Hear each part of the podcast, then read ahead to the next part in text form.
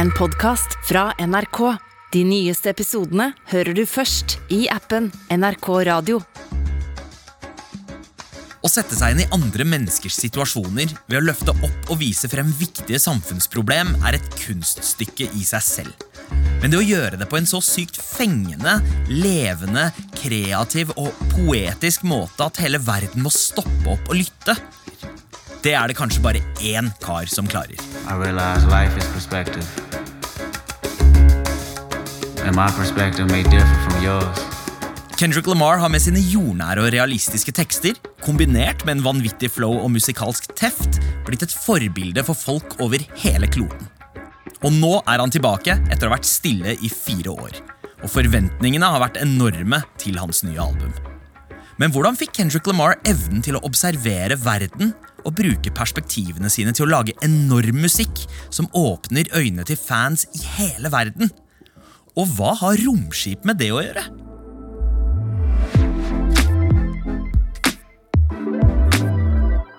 Velkommen til Musikkrommet. Jeg heter Sandeep Sin. I'm so passionate about hip hop, man. I'm not doing it to have a good song or one good rap or a good hook. I want to keep doing it every time. And to do it every time, you have to challenge yourself and you have to confirm to yourself that you're the best.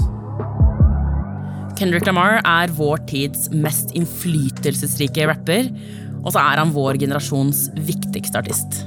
Adiele Arukve er DJ og jobber med radio og podkast i NRK P3. Låtene hans får flere til å forstå hvilke problemer det amerikanske samfunnet spesielt, og verden generelt, sliter med.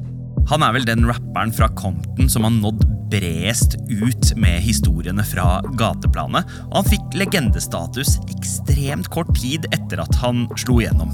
Jeg kjenner til få rappere som har klart å følge opp en brakdebut på den måten som han gjorde den gang, og fortsetter å gjøre, gang på gang. Og det er ikke bare i rappmiljøet han er stor, han er den aller første populærmusikeren som har mottatt den høythengende prisen Pulitzer. Noe som er ganske unikt, da denne gjeve prisen utelukkende pleier å gå til såkalte seriøse musikere og komponister innen klassisk og jazz. Men Kendricks overnaturlige talent har sendt rap inn i det gode selskap. Og nå, fem år etter hans forrige soloalbum, er han endelig ute med et nytt. Og forventningene de har selvfølgelig vært store med tanke på kvaliteten han har levert helt siden starten. Ja, For han har jo hele tiden vist en trygghet og nærmest bråmoden forståelse for Amerikas problemer og svartes utfordringer i USA. Noe som ble tydelig for han allerede da han var en liten gutt. Los Angeles på slutten av 1980-tallet. Kendrick Lamar Duckworth vokser opp i den sørlige delen av megabyen i California. Mamma Paula har oppkalt han etter soulsangeren i gruppa The Temptations, Eddie Kendricks. Og Der vokser lille Kendrick opp med overbeskyttende foreldre som prøver å holde han unna det farlige og skumle som skjer i nærheten. Ja, for Faren til Kendrick har jo en fortid som gjengmedlem. Men mora klarte å få ham på rett kjøl, og derfor er de ekstra varsomme. For flere av de store gjengene som setter sitt preg på Los Angeles på seint 80- og tidlig 90-tall, de holder til i nabolaget. Men i 1992 er det ikke gjengene som står bak når byen nærmest tar fyr. The jury in the Los Angeles police brutality trial has just reached its verdicts. The four police officers who were videotaped repeatedly beating an unarmed man were found not guilty Det går en sjokkbølge gjennom LA når fire politimenn blir frikjent for ekstrem politivold mot Rodney King. En svart mann som ble stoppet for å ha gjort noe så vanlig i USA som å kjøre i litt for berusa tilstand, men som ble dratt ut av bilen og banket med køller og sparket til blods av politimennene. Alle rundt fire år gamle Kendrick snakker om hvordan de er skremt av ikke bare hvordan politiet misbruker makten sin, men at de i tillegg slipper unna med det. Ekkoet av borgerrettighetskampen på 60-tallet forsterkes, og folk i de svarte bydelene i LA fyres opp og går amok i gatene. No justice in America, not for the blacks. The justice is for the other man, not for the brother man. Bensinstasjoner blir satt fyr på, og kjøpesenteret kjøpesentre blir rasert i det som nærmest virker som en borgerkrig. Dette er det mest intense opprøret fra svarte amerikanere noensinne. Det skiller seg fra tidligere protester, for dette er bygd på rent raseri. De fleste ser dette på live TV, men gatekampene de skjer rett utenfor der Kendrick bor. Og volden han ser, setter varige spor i Kendrick. Og noen måneder senere blir det enda verre. Han er bare fem år gammel når han ser et drap på nært hold. En dealer blir skutt og drept på gata utenfor leiligheten han bor i. Og dette er ikke siste gang han er øyenvitne til et drap. Nei, for det er mye heftig som foregår rundt Kendrick på denne tiden. Og det er særlig ett merkelig syn som preger ham videre i livet. Men når han snakker om dette til de rundt han, så er det liksom for speisa til at noen forstår hva han egentlig prater om. Ja, Denne mildt sagt underlige opplevelsen skal vi komme tilbake til senere. For disse heftige opptøyene og nærkontakten med drap fører til at Kendrick blir det litt følsomme enebarnet som trives best alene for seg selv i hjørnet, men snart skal både familien og Kendrick vokse betydelig. Ja, for samtidig som Kendrick etter hvert får eh, tre yngre søsken, så begynner han også på skolen. Og der viser han seg å være et skikkelig skolelys. Ja, Han viser seg å være bedre enn de fleste andre i klassen til å skrive. Og kjærligheten hans til musikk begynner også å blomstre her. Ja, for Kendrick bor jo i Compton. Nabolaget som er midt i gryta for det som kanskje er den mest toneangivende amerikanske musikkstilen midt på 90-tallet, nemlig gangsterrap. Og en dag i november 1995, da han er åtte år gammel, blir Kendrick vitne til noe som gir han stjerner i øynene. For midt på gata i nabolaget hans ruller det plutselig inn fancy biler og kamerafolk. Pappaen til Kendrick løper for å hente ham, og de stiller seg i den svære folkemengden som har samlet seg. Kendrick sitter på skuldrene til pappa for å kunne se hva som skjer.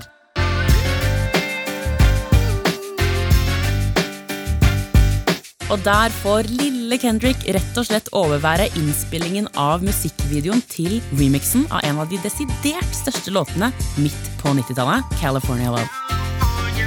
Og stjernene foran kamera, det er Kendricks egne helter, Tupac og Dr. Dre. Tenk så sykt for en liten kid å oppleve dette her. Altså, Det er helt vilt. Og musikkvideoen den skildrer gjengkamper i et lovløst og sånn postapokalyptisk framtidssamfunn som eh, ligner litt på Mad Max-filmene. Og denne space-estetikken skal etter hvert bli viktig for Kendrick. Og en annen svart musikksjanger fra gamle dager funk. For den robotstemmen i låta tilhører elektrofunk-pioner Robert Zapp Troutman.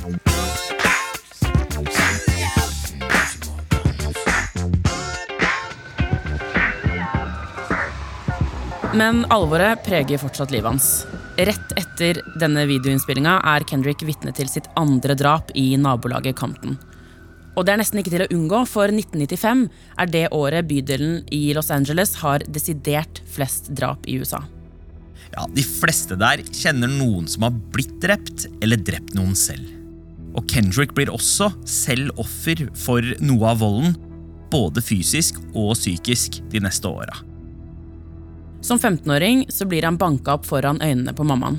Og rundt samme tid så finner hun en blodig sykehustrøye i skittentøyskurven, og en litt motvillig Kendrick innrømmer til slutt at det er fra da han var på akutten med en kompis som hadde blitt skutt. Og dette er noe mor og far kaster ham ut av huset for i to dager, før de åpner døra for ham igjen. Men de er dypt bekymra for at deres skoleflinke sønn skal rote seg inn i problemer han ikke skal klare å håndtere. Ja, og det mammaen hans er mest redd for, det er at han skal gå i sin fars fotspor og bli dratt inn i gjenglivet. Kendrick, where you at? Damn, I'm sitting here waiting on my van. You told me you was gonna be back in 15 minutes. Come on now. Men Kendrick er jo faktisk på dette tidspunktet en straight A student, og han bruker alt det han opplever og observerer, til noe mer konstruktivt. For det han ser og hører på gata i Compton, det blir inspirasjonskilden til å skrive tekster om livet. Og de tekstene blir ikke bare i notatblokka, han begynner å rappe de. Og i 2004 slipper 16 år gamle Kendrick sin aller første mixtape, YHNIC, under navnet K-Dot.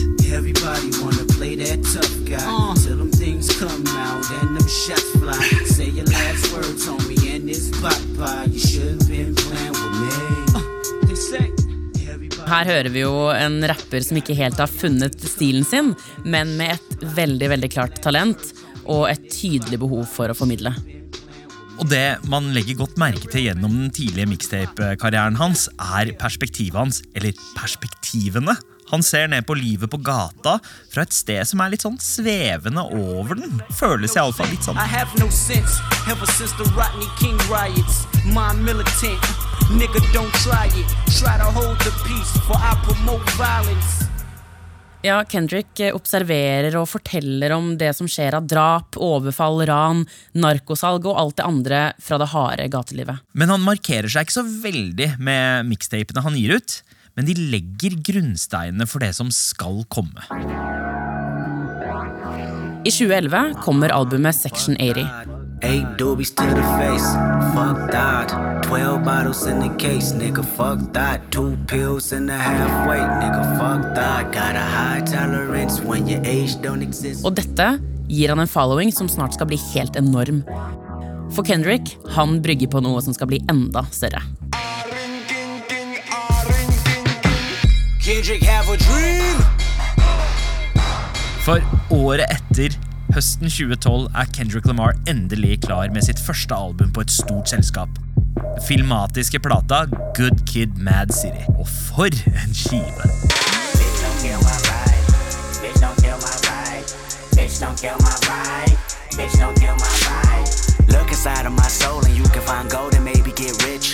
Look inside of your soul and you can find out it never exists. I can feel the changes. I can feel a new life. I always knew life can be dangerous. I can say that I like a challenge and you to me is painless. You don't know what pain is.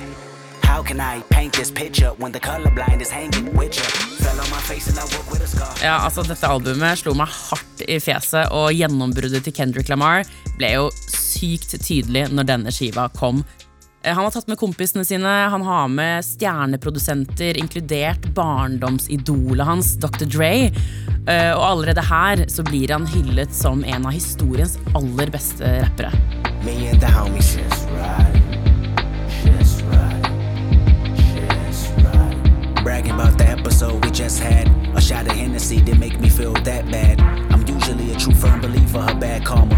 Consequences from evil will make ya. We tryna conquer the city with disobedience. Quick to turn it up even if we ain't got the CD in.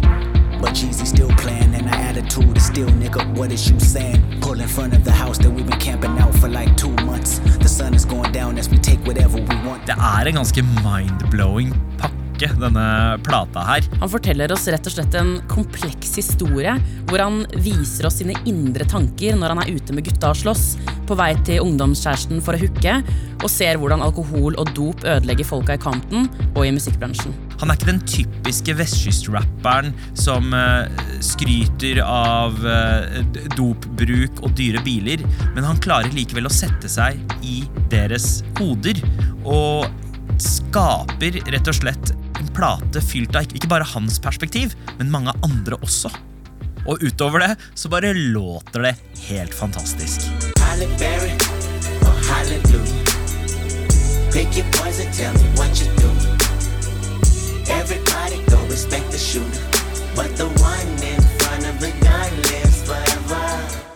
Og det er ikke bare albumet som tar av utenfor USA.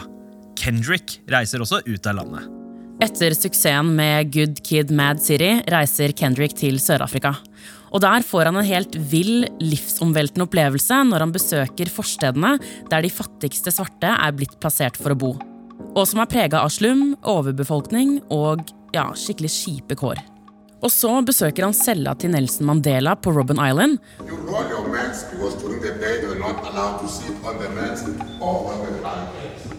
og der får han en slags åpenbaring og ser sine svarte røtter tydeligere enn noensinne.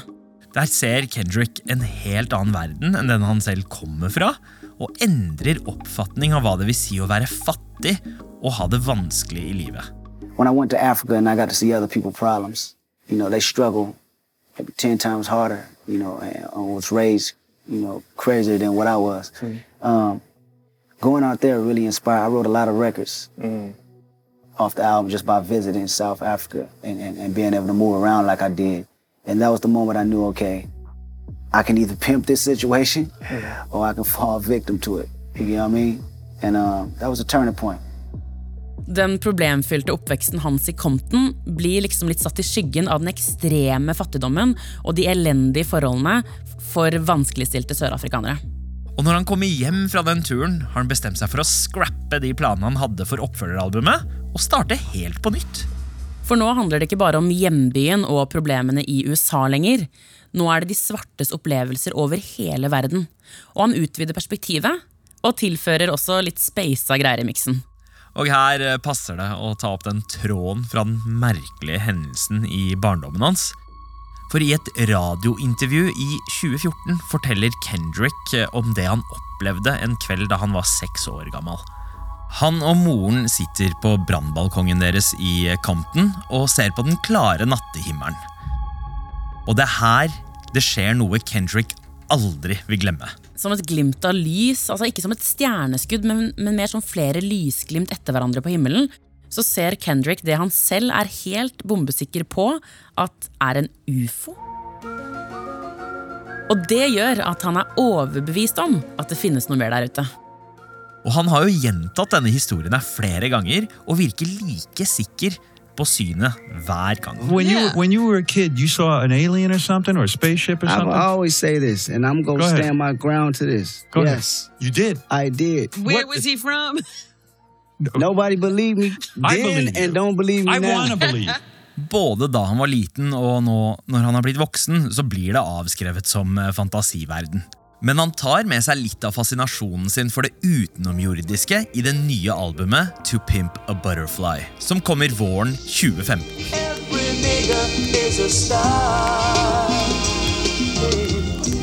Every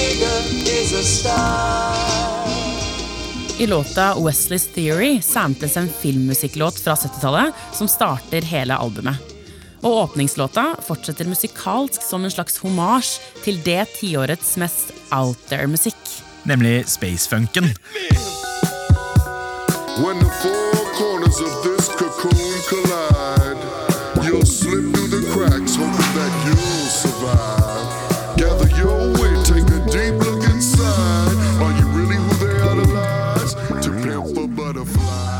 Den sjangerens mest kjente figur, George Clinton, altså, leda et kollektiv som ga ut musikk i gruppene Funkadelic og Parliament på 70-tallet. Og de utvikla funken og sendte den ut i verdensrommet. Science fiction eksploderte i film og TV på slutten av 60-tallet, og space-tematikk ble de neste ti åra en ganske sentral del av svart populærkultur, men først og fremst gjennom musikken. Det var ikke bare musikken som ble mer spasa, men flere svarte amerikanere så faktisk for seg en fremtid for svarte der ute på en annen planet. For der ville de endelig kunne fri seg fra lenkene som har holdt dem tilbake i deres 400 år lange historie.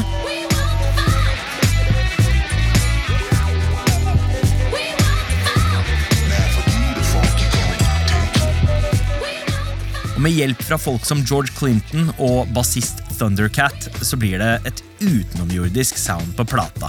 Men tekstuniverset og budskapet på dette albumet er også større enn på forrige. Og det vises på albumcoveret, hvor Kendrick og alle vennene hans fra Compton er samla på plenen foran Det hvite hus, og de ser ut som de, har, de er seierherrene etter en revolusjon. Og tematikken i tekstene handler mer om alle svarte over hele kloden enn på forrige album, der det handla om nabolaget hjemme i Los Angeles. Kendrick blir jo kanskje litt sånn eksistensiell på denne plata her, og tenker veldig mye inni sitt eget hode. Hvem er jeg, og hvilken plass har jeg i verden, og hva er meningen med min stemme? Og dette kan jo også knyttes litt til disse drømmene han har som barn, eh, både om aliens, men også om gamle familiemedlemmer som besøker han i drømmene. Ja, for han har jo snakka om at han har et veldig rikt indre liv. Og nærmest altså virkelighetsnære og levende drømmer. Og en av disse drømmene han har hatt, skal bli viktig for han. For en natt kommer en av hans største idoler og snakker til han i drømmen. Selveste Topak ber Kendrick om å bære fakkelen hans videre. Og så sier han ikke la musikken min dø, Kendrick. Ikke la den dø. Men hvordan er det denne drømmen kommer til liv på plata? Kendrick tar et gammelt opptak av et intervju med Topak og redigerer inn sin egen stemme. Og så får han det til å høres ut som det er en samtale mellom de to. Because me being one of your offsprings of, of the legacy you left behind, I can truly tell you that it's nothing but turmoil going on. So I want to ask you what you think is the future for me and my generation today. I think that niggas is tired of grabbing shit out the stores, and next time it's a riot, it's gonna be like uh, bloodshed, for real. I don't think America know that. I think America think we was just playing. It's gonna be some more playing, but it ain't gonna be no playing. It's gonna be murder. You know what I'm saying? It's gonna be like like Nat Turner, 1831, up in this motherfucker. You know what I'm saying? It's, mm. it's gonna happen. Hele praten ender med at Topak blir borte. Pop, pop. Mens låtene til Kendrick er å høre overalt, vil tilfeldighetene ha det til at de også kler samtida ekstremt godt.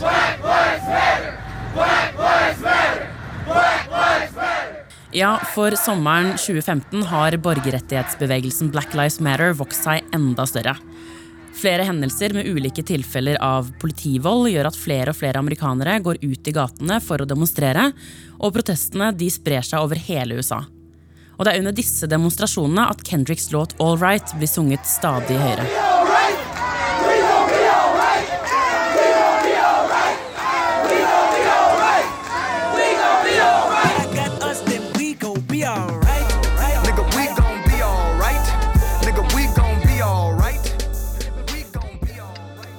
For med disse demonstrasjonene mot urettferdighetene mot svarte, vokser bevegelsen Black Lives Matter seg stadig sterkere.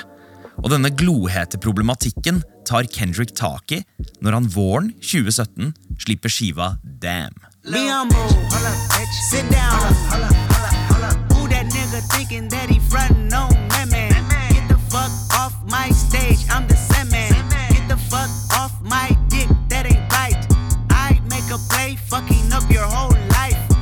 so fucking sick and tired of the Photoshop. Kendrick utvikler teknikken sin enda et par hakk her, og stemmen hans får enda en dimensjon. Det er akkurat som om han leker og utforsker bruken av rytme med stemmen. For hans lekende flow blir nærmest som repetitive mønstre, men det blir aldri ensformig.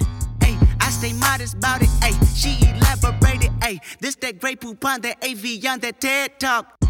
For historiene er sterkere, han bruker enda spissere følelser. Men i tillegg til alvoret som preger albumet, ønsker han også å komme bredere ut med featuring-artister som Rihanna, James Blake og U2.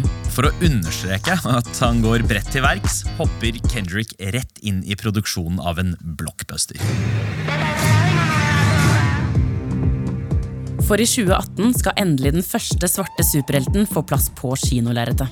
The warrior became king, and the first Black Panther, the protector of Wakanda. For det er Black Panther som er helten i en afrofuturistisk historie som foregår i et selvstendig og hyperteknologisk samfunn på det afrikanske kontinentet. Et land som ikke finnes i verden i dag, og minner veldig om et alternativt univers og en parallell verden til vår. Og filmen består hovedsakelig av et svart cast og har en afroamerikansk regissør. Kendrick blir spurt om han kan bidra med noen låter til soundtracket, men blir så dratt inn i prosjektet da han ser åpningsscenen, at det kjapt blir klart at han må gå all in. Kendrick nøyer seg ikke med noen låter, men vil lage et helt album og ender opp som executive producer. Og Han samler både flere av de aller største stjernene i verden, men også ganske ukjente sørafrikanske rappere og musikere til å fremføre sanger inspirert av dette Wakanda-universet.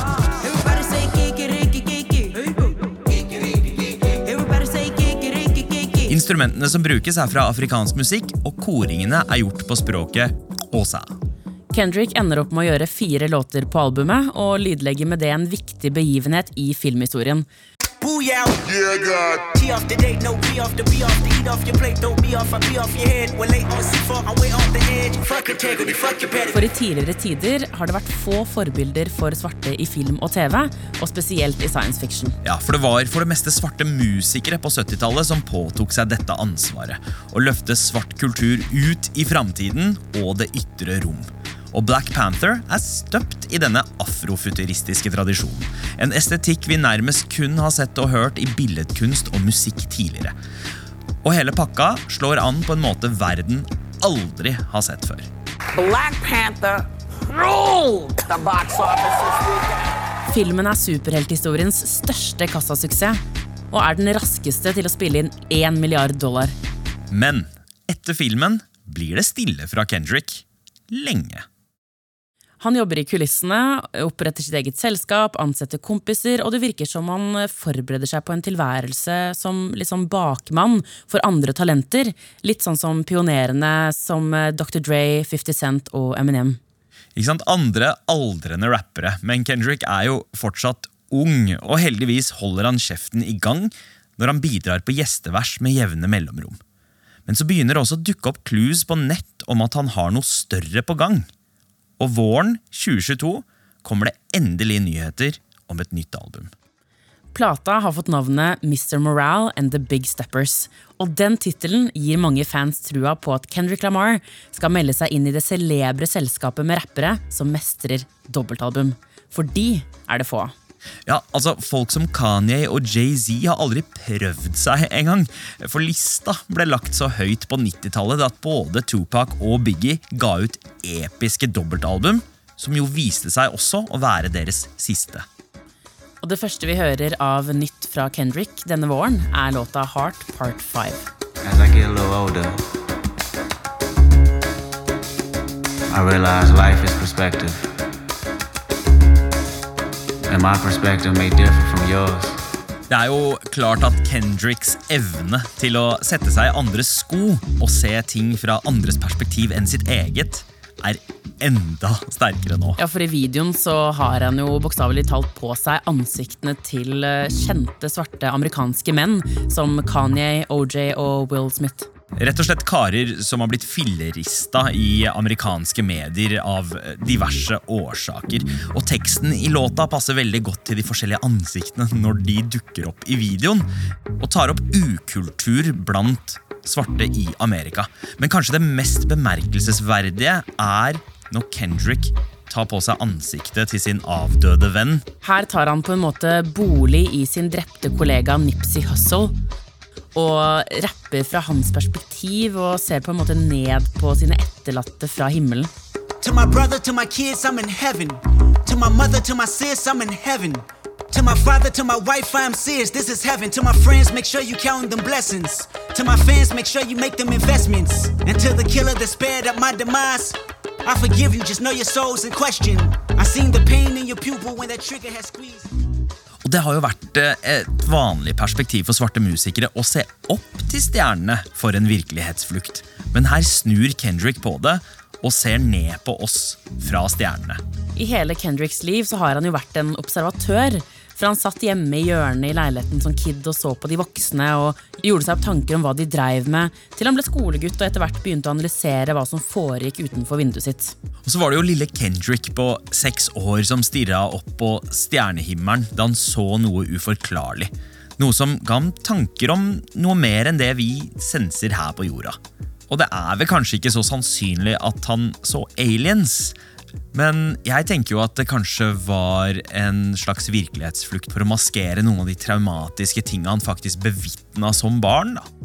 Men om han er overbevist om at det han så, faktisk var ekte, så kan jo det ha bidratt til at han fikk denne superkraften til å se ting gjennom andres øyne.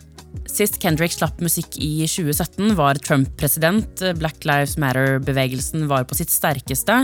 Og tematikken har kanskje roa seg litt siden den gang i media og i folk flest sin bevissthet. Men Kendrick minner oss nå på at vi fortsatt har mye å snakke om når det kommer til hvordan svarte har det i verden og i USA. Han minner oss om de uløste problemene, og så minner han oss også på at vi er i en verden der alle har gått dypere ned i uh, skyttergravene sine.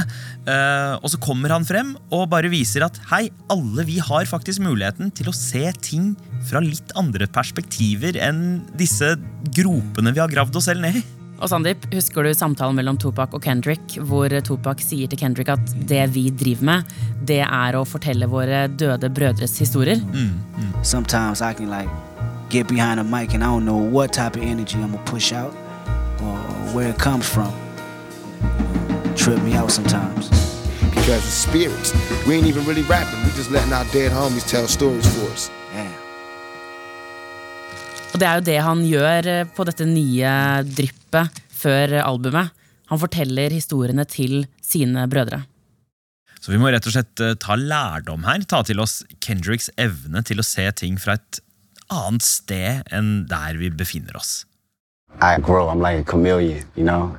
That is a gift and a curse for me, but more so a gift because it, it never pertains me to put me in a box. My ability to express it and to still make the connection where, wherever I go, that is my high points. That's something that I pride myself on. Du har hørt en episode av Musikkrommet. Hvis du likte det du hørte, anbefal oss gjerne til en venn. Takk til gjest Adiele Arukve. Denne episoden er laget av Amund Grepperud, Jean Kristin Sena, Nils Vingerei og meg, Sandeep Singh. Redaksjonssjef er Daniel Ramberg. Du har hørt en podkast fra NRK. De nyeste episodene og alle radiokanalene hører du i appen NRK Radio.